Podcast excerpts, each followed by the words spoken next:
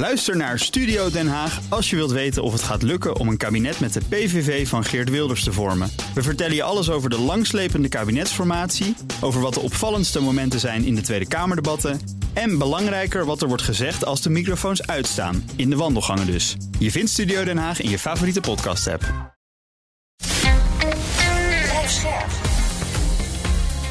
BNR Nieuwsradio. De wereld. Bernard Hammelburg. Welkom bij het beste binnenlandse programma over het buitenland. De oorlog in Oekraïne duurt nu bijna twee jaar. Westerse landen steunen Oekraïne nog steeds volop, maar de steun bij de individuele NAVO-lidstaten brokkelt langzaam af. We needed clarity on what we're doing in Ukraine and how we'll have proper oversight of the spending of precious taxpayer dollars of the American citizens. And we needed a transformative change at the border. Thus far, we've gotten neither. Ja, dat was Mark Johnson, de nieuwe voorzitter van het Huis van Afgevaardigden in Washington. Ik praat deze hele uitzending met admiraal Rob Bauer, voorzitter van het Militair Comité van de NAVO. Welkom in de uitzending, admiraal. Ja, we gaan dit uur uh, natuurlijk een beetje langs de actualiteit. En we maken even een reisje door het recente verleden van de NAVO. Uh, anno 2023 kunnen we stellen dat de NAVO, ik zou maar zeggen, springlevend is. Uh, en voor heel veel landen van groot belang. Maar vier jaar geleden zei president Macron van Frankrijk nog dat de NAVO hersendood was. Wat is er in die periode gebeurd? Nou, iemand anders maakte de interessante vergelijking met virologen. en die virologen waren denk ik ook relevant voor de pandemie. Alleen door de pandemie is iedereen de virologen gaan leren kennen. Lijkt het alsof virologen belangrijker zijn geworden. Maar dat is natuurlijk niet zo. Ik denk dat de NAVO op zich niet onbelangrijker was dan nu. Ik denk alleen wel dat in de publieke opinie en het, en, en het beeld van de NAVO uh, veel sterker is geworden. En dat is deels omdat we eigenlijk terug uh, gaan, uh, zijn gegaan naar de kerntaak, namelijk dat is toch collective defense, hè, de collectieve verdediging. Daar zijn we overigens niet gisteren mee begonnen, ook niet op de dag dat de oorlog uitbrak, op 24 februari 2022, maar daar zijn we in 2018 vanuit het militaire deel van de alliantie, de CDS, de commandanten der strijdkrachten, zijn we begonnen met het herschrijven van de militaire strategie van de NATO. Ja. En dat heeft geleid tot een document dat voor het eerst sinds decennia weer sprak over Rusland als dreiging. En dat was een grote verandering, want Rusland was uh, eigenlijk tot de top van Madrid in uh, 2022, in juli, eind juni, uh, was Rusland een partner van de NAVO. We hebben ja, geprobeerd. Je had ook, ja, ja, sorry. Ja, je had ook, de, je had ook de, de, de NAVO-Ruslandraad en je had de G8. Uh, en dat had dus allemaal een beetje de schijn van... ja, dit is toch een bondgenoot in opkomst. Hè? Dat was een beetje het beeld. Uh, nou ja, wij hebben het volgens mij niet behandeld als schijn. Volgens mij hebben we echt twintig jaar geprobeerd... om uh, met de Russen samen te werken. En uh, dat is eigenlijk door het gedrag van de Russen veranderd. Hè? Want zij hebben in 2000 2008 hebben ze natuurlijk delen van Georgië ingenomen. Ze hebben in 2014 de Krim ingenomen en zijn ook de Donbass-regio binnengevallen. En in 2022 uh, zijn ze dan de rest van, van Oekraïne ook binnengevallen. Ja, en je had ook die, die, die ik zal maar zeggen, toch wat beruchte speech van Poetin, ik meen in 2007 of 8, toen hij ook waarschuwde, de, de NAVO echt waarschuwde. Um, en, en dat hebben we misschien een beetje onderschat. Zou dat kunnen? Nou, het heeft uh, uh, nog, nog best lang geduurd voordat iedereen volledig overtuigd was van het feit bijvoorbeeld dat hij echt Oekraïne zou binnenvallen. Dus we zagen met elkaar dat op een gegeven moment aankomen. Dus nadat we die militaire strategie hadden herschreven, zijn we doorgegaan met het schrijven van twee strategieën daaronder. Een belangrijke daarvan is dat, je, dat we gekeken hebben naar hoe schrik je af en verdedig je jezelf als die dreigingen, Rusland en de tweede dreiging die NATO ziet, is van de terroristische organisaties. Als die twee dreigingen uh, zich realiseren. Nou, dat heeft geleid nu in veel nieuws in de top, NAVO-top in juli, tot het aannemen van nog verder gedetailleerdere plannen, die gebaseerd zijn op de geografie van drie regio's. En daaruit is voortgekomen dat we dan een overzicht hebben gekregen van alle spullen die we nodig hebben om die taken goed uit te voeren. Ja. En ook een plan over hoeveel mensen, hoeveel militairen we daarvoor nodig hebben. Dat alles is nu besloten. Ehm, maar het was uh, ontegenzeggelijk zo dat uh, een, uh, niet alle lidstaten ervan overtuigd waren dat Rusland daadwerkelijk Oekraïne zou binnenvallen. Iedereen zag met elkaar wel dat die troepenopbouw er was. Maar uh, ja, de discussie heeft nog uh, eigenlijk tot de inval voor een deel is geweest. Gaat het echt gebeuren? We kunnen het ons niet voorstellen dat hij het doet. Omdat we die inlichtingen al 4,5 maand met elkaar aan het delen waren. In tegenstelling tot bij de Krim was daarmee wat er gebeurde op zichzelf niet meer een verrassing. Want iedereen wist dat die troepen er waren. Je moet je voorstellen dat op het moment dat er steeds meer troepen opbouw is. Eerst in Rusland bij de Oekraïnse grens, dan ook in Wit-Rusland. Dan komen, uh, komt er steeds meer logistiek, dan komt de munitie, dan komen de ziekenhuizen. En tien dagen voor de inval kwam het bloed. En bloed is een, is, een, is een behoorlijke indicator als het gaat over dat het aanstaande is. Want bloed hou je niet eeuwig goed. Dus, je, dus we weten dan eigenlijk wel van het gaat nu gebeuren. En toch waren er nog landen die zeiden, nou ja, nog, nogmaals, dit zou, dit, nee, dat, gaat, dat kunnen we ons niet voorstellen. Toen het gebeurde... Nee, inclu inclusief Zelensky. Uh, ja, ik denk dat daar misschien ook nog wel iets anders speelde. Uh, u moet zich voorstellen, als een land zegt, we gaan aangevallen worden... heeft dat natuurlijk enorme consequenties voor de economie. Uh, dus alleen al het praten over oorlog betekent dat geld wordt weggesluist, bedrijven vertrekken, misschien vertrekken mensen van je eigen bevolking wel heel snel. Dus je wil eigenlijk uh, om niet tot een. Je wil niet dat er een soort paniek voordat het gebeurt uitbreekt. Uh, en dat je, dat je van tevoren nog verder verzwakt wordt. Hè? Want dat, uh, op de dag van de oorlog, toen de oorlog uitbrak, is 40% van de economie van Oekraïne verdampt. Ja, die heeft 40% van zijn waarde verloren. Ja, dus dat heeft enorme consequenties als zo'n oorlog begint. Dus je wilt ja. er ook niet te vroeg over beginnen te kletsen.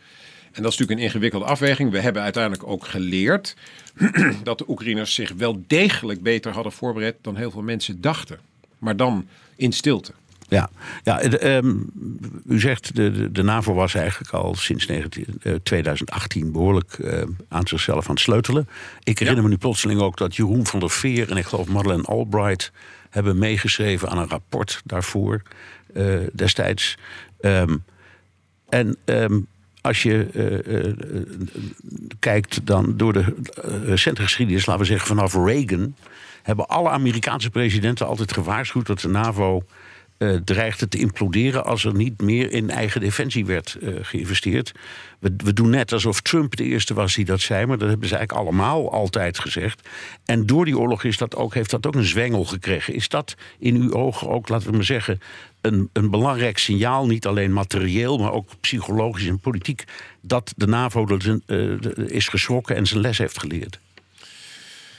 Um, de discussie over geld liep inderdaad al langer.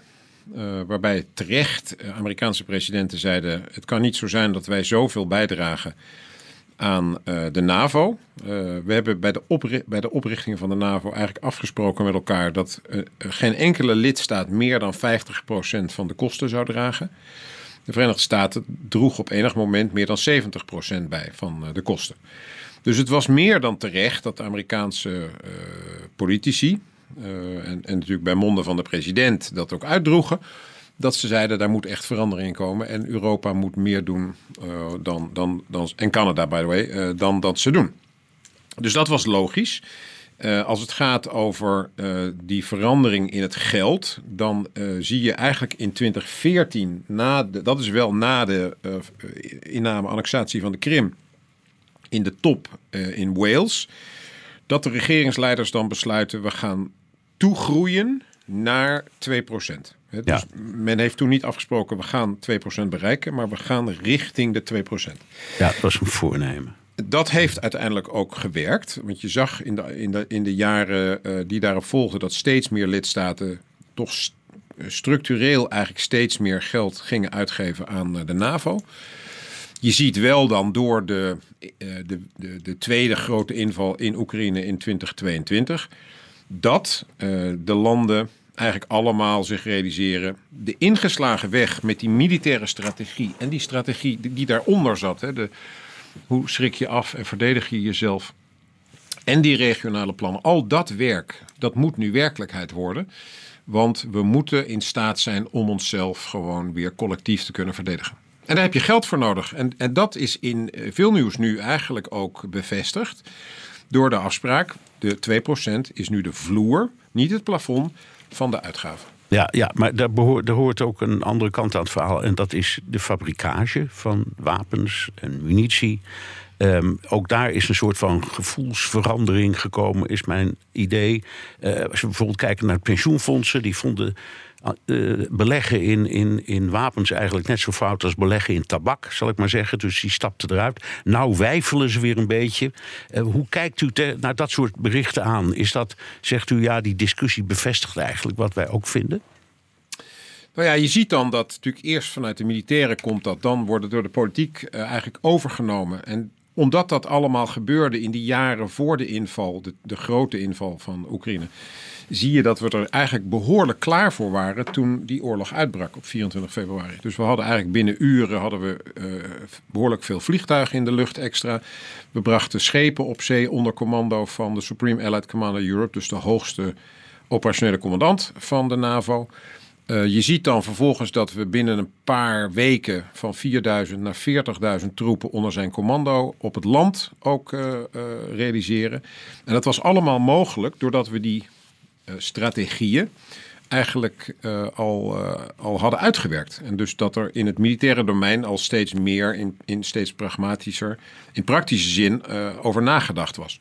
Dus dat was gewoon het, dat was een enorm sterk punt toen die oorlog uitbrak dat je dan ziet dat, dat het ook effect heeft. En daarom ja. bevestigden we zeg maar, de, de toegevoegde waarde van de NAVO op dat moment enorm. Dan zie je vervolgens in de discussies, zoals u spreekt over die industrie, dat het dan toch nog wel even duurt voordat de samenleving, als het ware, ook wakker wordt. Ja. Want daar hebben we het nu over. Ja, en, en, en, en, en de samenleving moet dus denken: blij dat er wapens zijn. En dat is even een stapje ja, psychologisch ik, om dat te vinden. Uh, uh, ik, ik ben niet per se blij dat er wapens zijn, maar ik denk dat we met elkaar ons moeten realiseren dat het noodzakelijk is.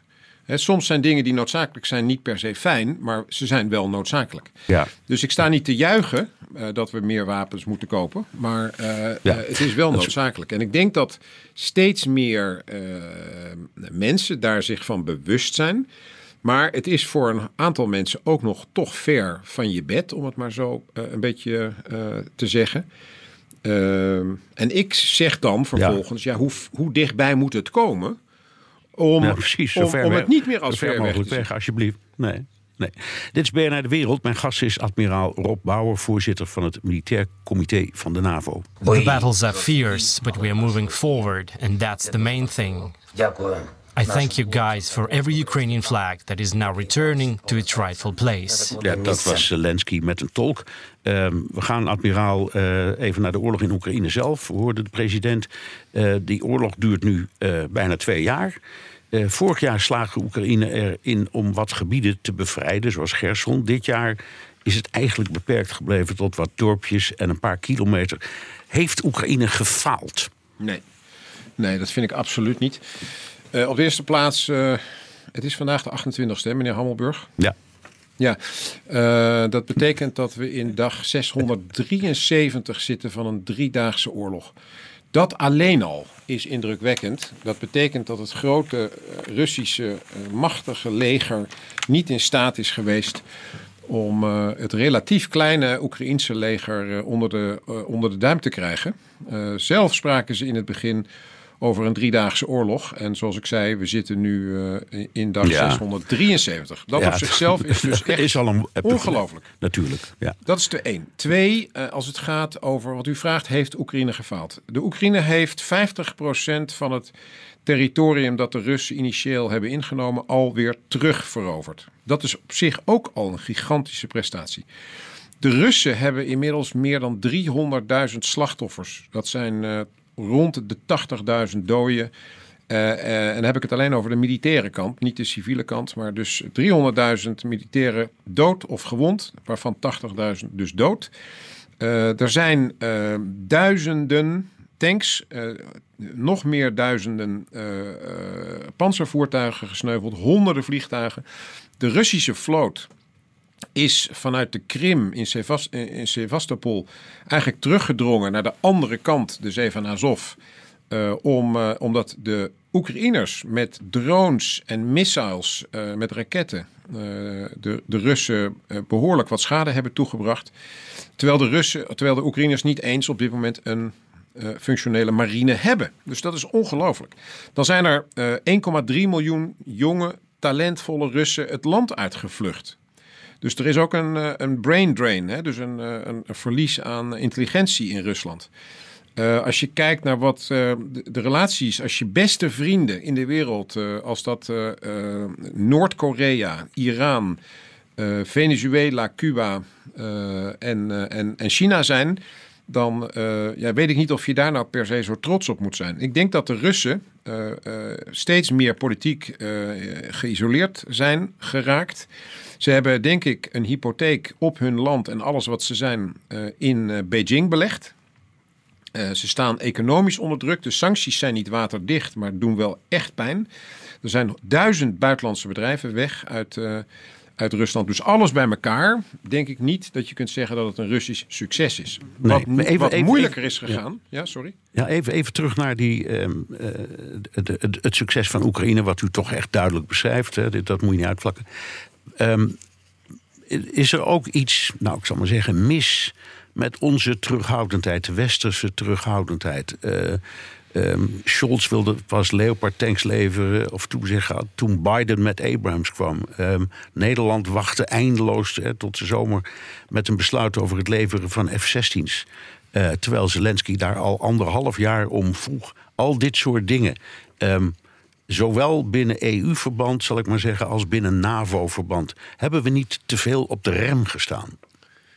Ik denk dat als het sneller was gegaan, dat we de Oekraïners daarmee eh, eh, hadden geholpen. Dat is zeker zo. Ik denk ook aan de andere kant dat je niet uh, te gemakkelijk moet denken aan dit soort besluiten die genomen zijn door de Duitsers, door de Amerikanen en ook door Nederland als het gaat over die F-16's. Je praat over geavanceerde wapensystemen met geavanceerde technologie, waarvan je dus je ook moet afvragen: wat gebeurt er voor ons als die technologie in handen van de Russen komt. Want niet alles wat je weggeeft zal altijd in handen zijn uh, van uh, de Oekraïners. Want uiteindelijk in een oorlog gaan er dingen kapot. Uh, worden er soms wel spullen veroverd. dus je moet je ook afvragen wat zijn dan de consequenties voor ons. Dat is één element. Tweede element is wat betekent het um, als die westerse wapensystemen ingezet zouden worden in zeg maar echt Rusland. Dus niet in door de Russen veroverd gebied in Oekraïne, maar in Rusland zelf. Uh, betekent dat dan dat de NAVO uh, bij die oorlog betrokken zou raken? Nou, kortom, dat zijn allemaal serieuze vragen waarvan ik ook begrijp dat regeringen, uh, regeringsleiders daar even serieus over hebben moeten ja, terughouden, een zekere terughoudendheid, dat begrijp ik ook. Um, even, even nog naar een, een ander aspect. Hè. De, de, Russen zijn taai, kunnen lang volhouden. Als je door hun geschiedenis kijkt, dan geven ze ook niet gemakkelijk op. Um, en ze, ze zijn eigenlijk overgeschakeld naar een uh, oorlogseconomie. Is dat iets dat wij, nu dit conflict toch nog wel een tijd gaat duren, ook een beetje zouden moeten doen? Moeten we meer de economie in dienst stellen van deze oorlog? Ja, en dat heeft dus weer te maken met hoe dichtbij moet het komen. Uh, kijk, voor een heleboel mensen is die oorlog iets van, nou ja, dat is Oekraïne. Er zijn zelfs mensen die zeggen: wat doen ze daar toch moeilijk in de Oekraïne? Waarom geven ze gewoon niet weg wat die Russen nu hebben en dan is de oorlog voorbij? Ja, ja, ja de Koreaanse oplossing, hè? Ja, de variant. Uh, ja. nou, ik, heb een keer, ik kwam een keer een Amerikaan tegen die dat ook zei. En toen zei ik: van, Stel nou dat Texas uh, is, uh, is ingenomen door een land en zou je dat dan weggeven om dan, om dan van die oorlog af te zijn? Toen zei hij, nou ben je dan gek geworden. Nou, dat is natuurlijk precies wat de Oekraïners ook denken. Het is hun land waar, ze, waar je het over hebt. Dus waarom zouden ze dat weggeven? Dat is één. Ja. Uh, twee, uh, de Russen zijn taai. De Russen hebben uh, in de tijd, door, de, door die, in, die, in, die, in dat zeg maar tweede jaar, in het begin, einde eerste jaar, begin tweede jaar, hebben ze heel veel tijd geïnvesteerd en geld in het opbouwen van die verdedigingslinies. Langs de toenmalige grens van het veroverde gebied. En, dat, en dan moet je denken aan mijnvelden van meer dan 10 kilometer diep. Een grote fysieke barrière, ook om tanks tegen te houden. Dan weer een stuk terrein waar ook nog weer mijnen liggen. Dan een tweede fysieke barrière. En dat eigenlijk langs die hele grens. En wat er gebeurde toen dat offensief begon, is dat de Oekraïners zonder luchtoverwicht, dus die hebben niet de, uh, zeg maar de, de middelen uh, op dat moment gehad om, om hun landoperaties te ondersteunen met jachtvliegtuigen en uh, wel met artillerie, maar niet. Nee, met... nee want daar, waar, daar, waren, daar waren wij nog over aan het debatteren. Nou ja, daar, daar, zal ik, daar wil ik nog best wel iets over zeggen. Ook dat dat, ook dat, dat ingewikkelder is dan alleen maar het weggeven van wat vliegtuigen. Uh, maar in, uh, het betekende dus dat, de, dat de, de Oekraïners een andere manier moesten vinden dan die wij eigenlijk hadden aangeleerd. Namelijk de combinatie van allerlei wapensystemen. Uh, betekent dat wij dan dat gevecht op, op, een, op een manier hadden gevoerd. waarbij je dus met gemechaniseerde eenheden, tanks. Uh, naar voren was gegaan, uh, ondersteund eerst door artillerie, dan infanteristen enzovoort. Dat moest door dat mijnveld heen, dus dat kon niet zomaar. En omdat je dus geen luchtoverwicht hebt, konden de Russen eigenlijk hun artillerie goed inzetten, zonder dat die zeg maar lastiggevallen worden door vliegtuigen vanuit, vanuit Oekraïne. Kortom, dus zij moesten op een andere manier dat gevecht voeren. Zijn uiteindelijk bijna kruipend door dat mijnenveld moeten gaan. Ja. Hebben dat dus uh, moeten, uh, die, al die mijnen moeten ruimen. Soms vijf, zes mijnen per vierkante meter. Dus voordat ze bij die eerste barrière waren, hebben ze natuurlijk heel veel tijd verloren, zal ik maar zeggen. Dat heeft gewoon heel veel tijd gekost. En ook slachtoffers. Zo. Uiteindelijk zijn ze op een, uh, in twee punten zijn ze toch wel door die eerste barrière heen gebroken. Maar ja, dan, is het, dan reageren de Russen daar weer op. Kortom, dat is een, een moeilijker strijd ge, gebleken dan wij met elkaar, denk ik, gedacht hebben. Uh, waardoor uh, daar de voortgang minder groot is geweest dan zij zelf natuurlijk ook gewenst uh, hebben. Ja. Admiraal Rob voorzitter van het Militair Comité van de NAVO. We praten zo meteen verder. Onder meer over het komende oorlogsjaar en de individuele rol van de lidstaten binnen de NAVO. Bij BNR ben je altijd als eerste op de hoogte van het laatste nieuws. Luister dagelijks live via internet. Bas van Werven. En heel langzaam komt de zon op rond dit tijdstip. Je krijgt inzicht in de dag die komt op BNR, het Binnenhof in Nederland en de rest van de wereld. De Ochtendspits. Voor de beste start van je werkdag. Blijf scherp en mis niets. Blijf scherp. BNR Nieuwsradio. De wereld. Bernard Hammelburg. De NAVO zag Finland dit jaar toetreden tot het bondgenootschap. En binnenkort zal ook Zweden toetreden. Nadat Turkije en Hongarije uitgekibbeld zijn over uh, hun uh, scrupules. Это чушь полная. Я думаю, что и президент Байден это понимает. Это просто фигура речи для того, чтобы обосновать свою ошибочную политику на российском направлении. President Poetin zei ondertussen dat hij geen interesse heeft in het aanvallen van de NAVO, maar dat de situatie in Finland wel een probleem is. Bij mij nog steeds admiraal Rob Bauer, voorzitter van het Militair Comité van de NAVO. Uh, admiraal, laten we eens even kijken naar de organisatie van uh, de NAVO. Uh, je hebt de secretaris-generaal, uh, dat is Jens Stoltenberg. Die, die gaat eigenlijk over nou ja, het politieke en het, en het burgerlijke systeem. Uh, die functie is nooit in handen van een Amerikaan. En dan heb je het militair comité en daar bent u het, het hoofd van. Wie, wie neemt nou uiteindelijk de militaire beslissingen? Beslissingen worden in de NAVO genomen door de Noord-Atlantische Raad. In het Engels de North Atlantic Council, de NAC. En uh, daar zitten de ambassadeurs, of daar zitten uh, van de landen, of daar zitten de ministers van Defensie, of de ministers van Buitenlandse Zaken, of de regeringsleiders. Dat blijft elke keer toch de North Atlantic Council. Die, wordt elke, die vergadering wordt voortgezeten, voorgezeten door de secretaris-generaal. Die heeft overigens geen stemrecht, hè, want dat de, de, de landen besluiten. Uh, en uh, hetzelfde geldt voor het militair comité, daar, dat zit ik voor. Maar de besluiten in de NAVO worden dus door de Noord-Atlantische Raad genomen. En, het, uh, en elk besluit waar zeg maar militaire betrokkenheid bij is, en dat is natuurlijk het meeste bij de NAVO, daar, daarvoor is een militair advies nodig. Om als het ware een oordeel te kunnen hebben over de haalbaarheid van wat wenselijk is. Ja.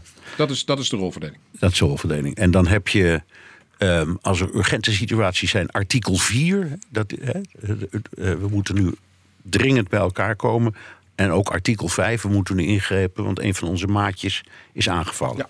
En daarvoor zit nog artikel 3. Ja. Uh, en dat is niet alleen numeriek zo, maar dat is ook heel belangrijk in de discussie. Want uh, dat uh, artikel 3 zegt dat ieder lidstaat in beginsel zichzelf moet kunnen verdedigen. Nou, dat hebben we een hele lange tijd verontachtzaamd.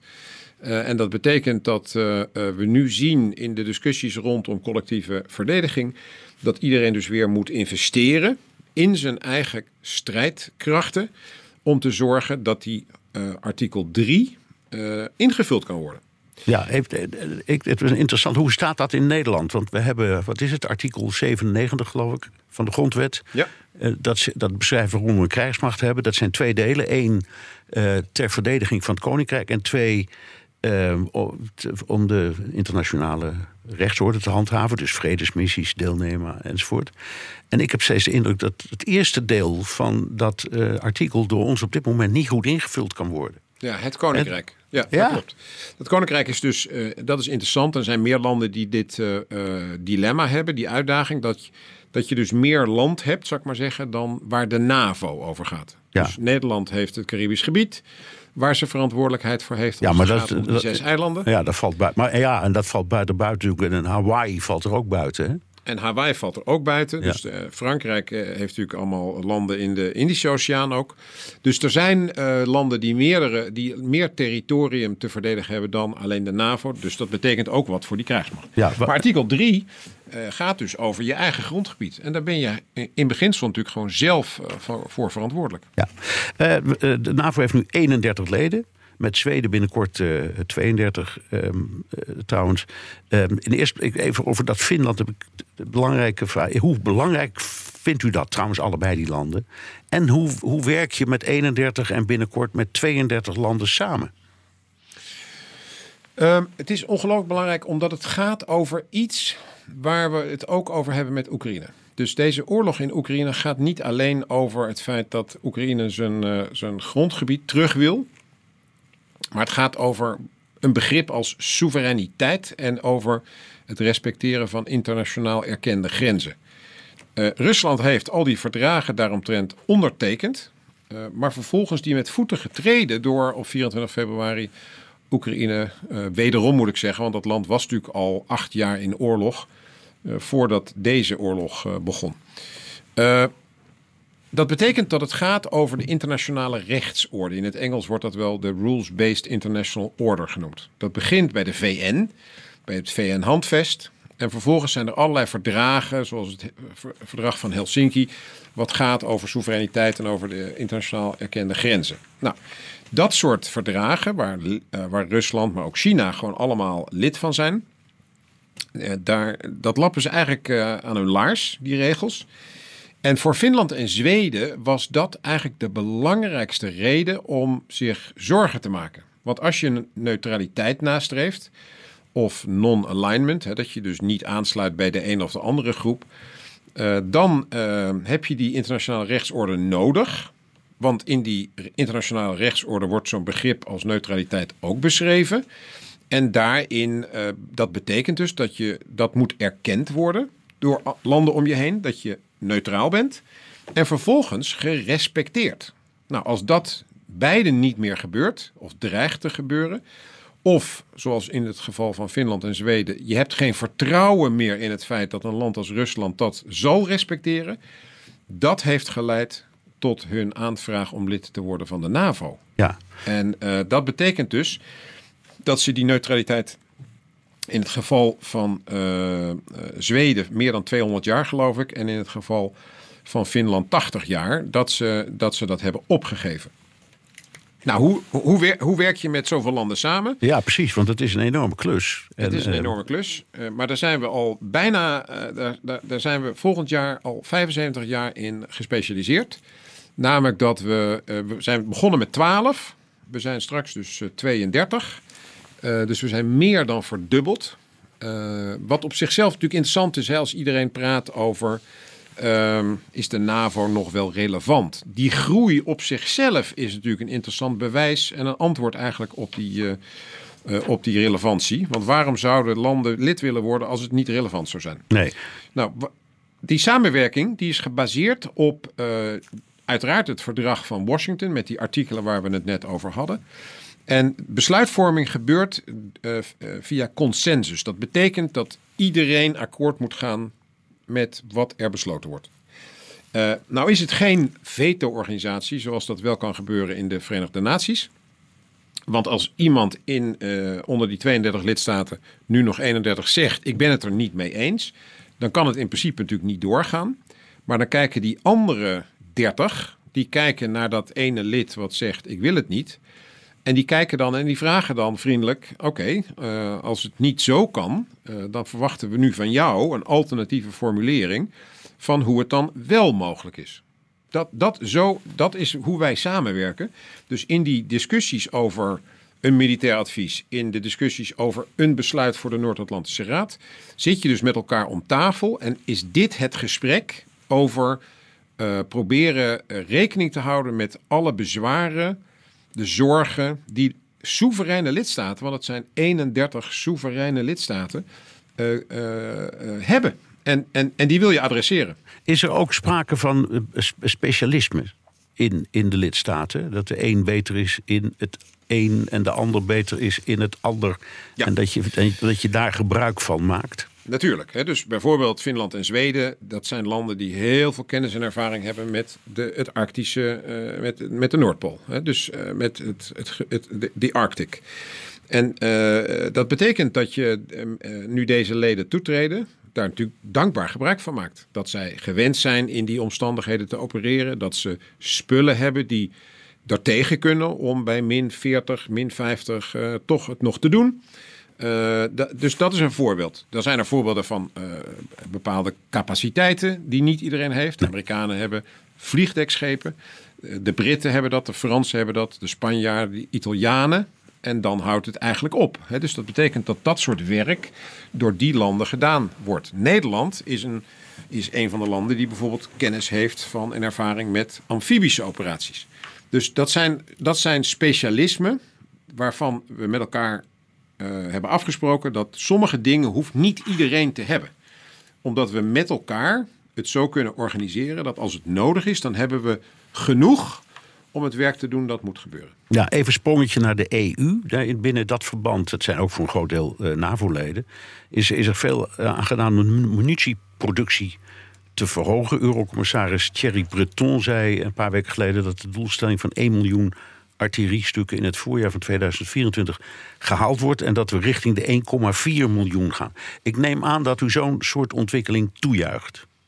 Ja, uh, ik juich dat enorm toe. Ik denk ook dat de EU een belangrijke rol kan spelen, omdat als het gaat over die uh, productiecapaciteit, dat natuurlijk niet de specialiteit is van de NAVO. We hebben de uitkomsten daarvan nodig. Er moeten meer granaten van de band rollen. Maar we zijn natuurlijk niet de organisatie die gespecialiseerd is in industriepolitiek of in het financieren van de industrie.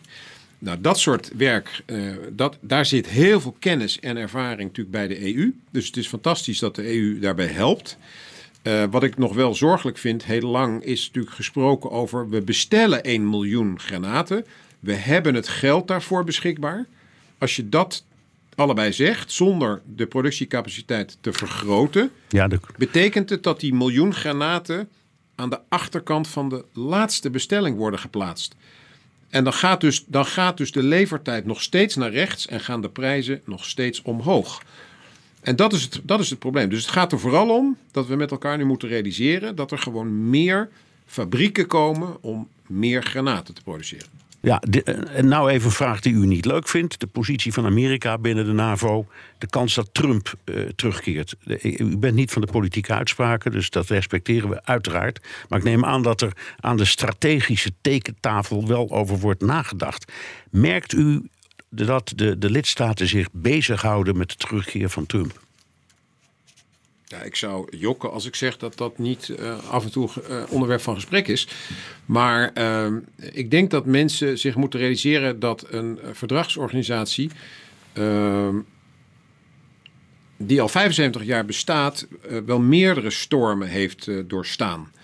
En dat betekent dat. Uh, oh ja, de ik denk aan de Fransen die onder de Gaulle eruit zijn gestapt. Precies. En pas, onder, en pas onder Sarkozy weer terug zijn gekomen. Precies. Dus, dus ja, dat kan, dat kan dus, gebeuren. Ja. Dus, dus ik denk dat we ons. natuurlijk moet je elke discussie serieus nemen. ik denk dat we als organisatie als president Trump uh, weer president wordt, dan kunnen we ook uh, uh, hem gewoon aankijken zonder met de ogen te knipperen. En dan kunnen we hem laten zien dat we wat hij wilde, namelijk dat de Europea Europese landen en Canada meer gingen investeren in de NAVO en de Amerikanen minder, dat dat feitelijk is gebeurd. En niet een beetje, ja. maar dat er inmiddels 350 miljard meer door de Europese landen en Canada wordt uitgegeven ten opzichte van, uh, van Wales in 2014. Bent u blij met de nieuwe Amerikaanse wet uh, die, uh, die zegt dat Amerika niet zonder toestemming van het congres uit de NAVO kan stappen? Denkt u nou dat is, dat is een geruststelling? Nou, ik denk dat het in het algemeen verstandig is dat als je zo'n groot besluit zou nemen, dat dat niet van één man of één vrouw afhangt, maar dat je daar uh, in, je, in je land natuurlijk een, eh, een, eh, een, een, een bredere discussie voert. Minimaal met het parlement. Nou, dat is, dat is natuurlijk waar we het dan over hebben. Dus ik denk dat dat alleen maar verstandig is. Want uiteindelijk ehm, is het, zou, het, zou, het een enorme, zou het een enorme stap zijn. Ik ben er niet van overtuigd dat dat zomaar gebeurt. te meer, nogmaals, omdat we denk ik ook hebben laten zien. Niet alleen we hebben meer geld geïnvesteerd als Europa en Canada, eh, eh, maar ook uh, dat we natuurlijk de relevantie van de NAVO is toegenomen sinds hij president was. Ja. en ik denk dat ook dat voor hem iets is wat, wat niet heel erg gemakkelijk te weerspreken is. Nee, daar zit, komt wat bij. Hij heeft natuurlijk ook zijn les geleerd. En wat we horen is dat hij een enorme zwik ehm, adviseurs heeft klaargezet als ministers en ga zo maar door. Het zijn allemaal deskundigen, alleen wel van zijn parochie, zou ik maar zeggen. Maar het zijn wel mensen die er verstand van hebben. Dus dat is misschien ook wel een geruststelling. Denkt u niet? Nou ja, nogmaals, ik, hm. het, is, het is vooral politiek, zoals u het uh, zelf al zei. Dus uh, alles wat we erover zeggen is voor een deel speculatie. Uh, maar ik denk dat als het gaat over waar we nu staan als NAVO dat ik durf te beweren dat we een stuk gezonder zijn dan een aantal jaren geleden. Het is BNR De Wereld. Mijn gast is admiraal Rob Bauer, voorzitter van het Militair Comité van de NAVO. The war takes the best of us, the best heroes, the best men, women, children. That's it. But we are not ready to give our freedom to this terrorist Putin. That's it. That's why we are fighting. Ja, dat was president Zelensky in gesprek met NBC. Uh, admiraal, we hadden het uh, al over. 2023 is voor Oekraïne uh, niet het jaar geworden waarop ze hebben gehoopt. Hoewel, als we naar u luisteren, ze hebben toch wel een hoop bereikt. Even de nogmaals erbij zetten. Uh, nou, sta, nou staat 2024 voor de deur. Denkt u dat Oekraïne dan wel echt een slag kan slaan tegen de Russen? Ja, ook daar geldt weer, uh, het is, het is uh, als schaken, maar dan met, met wapensystemen en munitie en, en mensen. Waarbij het nooit zeg maar te voorspellen is van één kant. Hè? Want wij, wij denken met Oekraïne na over wat ze zouden kunnen doen. En wat ze, wat ze, er zijn 50 landen die met Oekraïne maandelijks spreken over wat Oekraïne nodig heeft en wat zij kunnen leveren daarvoor. Dat is dus niet alleen de NAVO, maar dat zijn ook allerlei partnerlanden. Dat zijn ook, ook landen in Afrika, landen in Zuid-Amerika, landen in Azië die Oekraïne steunen. Uh, en met elkaar proberen we natuurlijk maximaal Oekraïne te helpen op basis van wat ze nodig hebben. Dus dat gesprek is gaande, dat gaat nog steeds door. Ja, wel, maar u, roept, u, u hebt het over schaken. Schaken betekent eh, een goede schaker. Die kan, weet ik al, vier, vijf, zes zetten vooruitdenken. Ja, dat klopt. En dat, en dat, en dat, dat, gebeurt ook. We, ja, en dat, dat, en dat verwachten we bij wijze van spreken van admiraal Bauer dus ook. Ja, dat is ook, dat is ook, dat is ook mijn werk. Uh, en dat betekent dat je dan vervolgens natuurlijk wel over het soort schaakstukken uh, met elkaar overeenstemming moet bereiken. Uh, dus als iemand een paard nodig heeft, dan moet je het ook wel hebben. Nou, en dat is wat er, wat er dus voor een deel. het gesprek gaat dus over wat hebben ze nodig om dat te kunnen doen. En dat is tot nu toe steeds voor, voor een deel gelukt. En dat is altijd, er is altijd meer nodig. Dat is, dat is helaas met een oorlog is dat zo. Oorlogen zijn ook gewoon echt heel lastig te voorspellen. Omdat beide partijen nadenken, omdat beide partijen vijf, zes uh, zetten proberen vooruit te, te, te, zetten. Ja. En in die zin uh, kun, is het enige wat ik, wil, uh, wat ik niet genoeg kan benadrukken is dat als de Russen vandaag stoppen en naar huis gaan, is de oorlog voorbij. Als Oekraïne vandaag stopt, dan zijn zij hun land kwijt. Dat is het grote verschil. En dat betekent dat we uh, een enorm belang hebben om uh, deze uh, Oekraïne te blijven helpen. zoals de secretaris-generaal het kort geleden zei: dit is geen liefdadigheid, het helpen van Oekraïne. Dit is in ons belang. De Russen hebben duidelijk gemaakt in december 2021 dat het hen niet alleen om Oekraïne te doen is, maar om eigenlijk terug te gaan naar de grenzen van 1997. Dat betekent alle landen die sindsdien lid zijn geworden van de NAVO vallen in die zone. Uh, dat is onacceptabel voor die landen en voor ons als, als bondgenootschap. Dus het gaat om meer dan uh, om Oekraïne. De Russen hebben natuurlijk ook wel gezegd dat de Oekraïners een grote dreiging waren. Dat ze daarom binnen zijn gevallen. Als dat echt zo was, als wij echt een dreiging zouden zijn, hadden ze totaal anders gereageerd op de toetreding van Finland. Want feitelijk hebben ze militair daar niet op gereageerd. Uh, nog los van het feit dat het lastig is omdat ze bijna hun hele uh, landmacht ja. in Oekraïne hebben ingezet. Ja, maar als ze het echt belangrijk hadden gevonden, hadden ze, hadden ze moeten ja. herprioriteren. En dat hebben ze niet gedaan. Nee, omdat, we begrijpen het ook wel. Dat is natuurlijk een mega grote grens. Dat doe je nu niet zo 1, 2, 3. Nee, maar als, als zij het echt als een dreiging zouden zien, dan hadden ze daarop moeten reageren. Dus wij zijn niet een dreiging. Dat weten ze. We zijn een, uh, een, een, partij dat als je daar oorlog mee krijgt, dan, uh, dan bezuur je het. Want dat is waar ze natuurlijk wel uh, zorgen over hebben. Maar waar die oorlog in Oekraïne natuurlijk echt om draait, is niet dat wij een dreiging waren, maar is dat een land dat Oekraïne in toenemende mate bezig is een echte democratie te worden. Ja. ze zijn steeds meer aan het verwesteren. Ze, wilden, ze, zijn onderdeel van de Europese Atlantische familie, zoals dat heet. Ja. Het gaat over de toetreding van de EU. De, de, de leiders, regeringsleiders van de EU hebben besloten dat er onderhandelingen nu begonnen kunnen worden met, met de Oekraïne over toetreding van de EU. Uh, we praten als NAVO met Oekraïne over wat er nodig is om, hem, om hen lid te laten worden van, van de NAVO.